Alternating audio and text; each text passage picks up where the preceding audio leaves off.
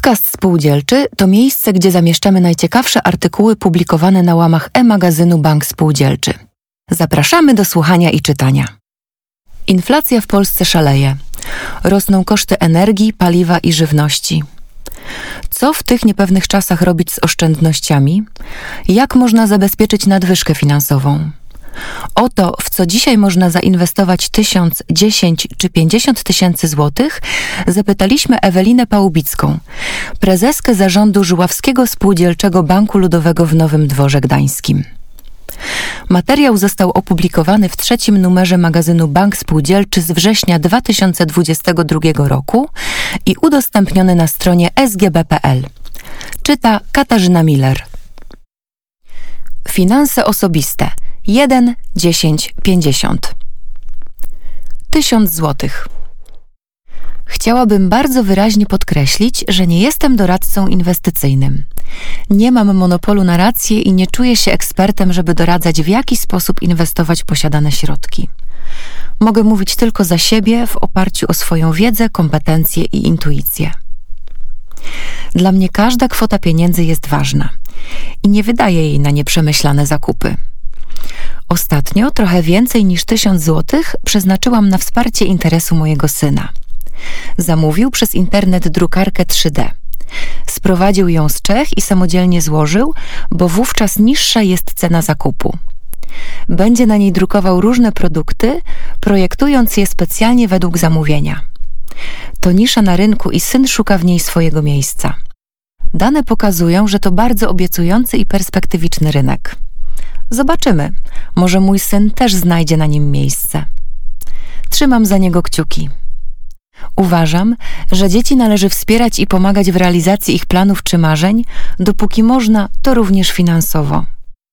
Jeśli budżet rodziców na to pozwala i istnieją realne szanse, by marzenia przyniosły potem zyski, to zupełnie naturalnym staje się taki wkład na start. 10 tysięcy złotych. Nadal inwestycja w dzieci. Dla mnie to naturalne, że 10 tysięcy także przeznaczyłabym na rozwój moich dzieci, zdobywanie nowych uprawnień czy dodatkowego wykształcenia. Starszy z moich synów rozważa właśnie podjęcie kolejnych studiów podyplomowych, tym razem na kierunku Big Data, inżynieria danych. Młodszy syn lada moment broni pracę dyplomową z inżynierii materiałów. Na studiach zdobył potrzebną wiedzę i kompetencje, ale niestety brakuje mu jeszcze odpowiedniego doświadczenia oraz kwalifikacji potwierdzonych wymaganymi certyfikatami i pozwoleniami. Chcąc się rozwijać w tej dziedzinie, specjalizować w wykonywaniu np. badań nieniszczących różnych obiektów czy konstrukcji, konieczne jest zdobycie konkretnych uprawnień, w tym wielostopniowych nadawanych inspektorom przez Urząd Dozoru Technicznego. Otrzymanie tego typu uprawnień wiąże się z odpowiednimi szkoleniami, praktykami i egzaminami. Na to wszystko, oprócz czasu, nauki i zaangażowania, oczywiście potrzeba nakładów finansowych, których na starcie zawodowego życia zwykle potrzeba.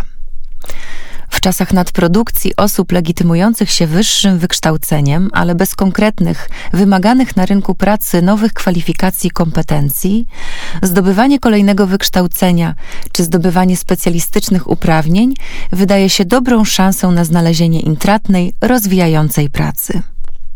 Ujęłabym to nawet nieco szerzej.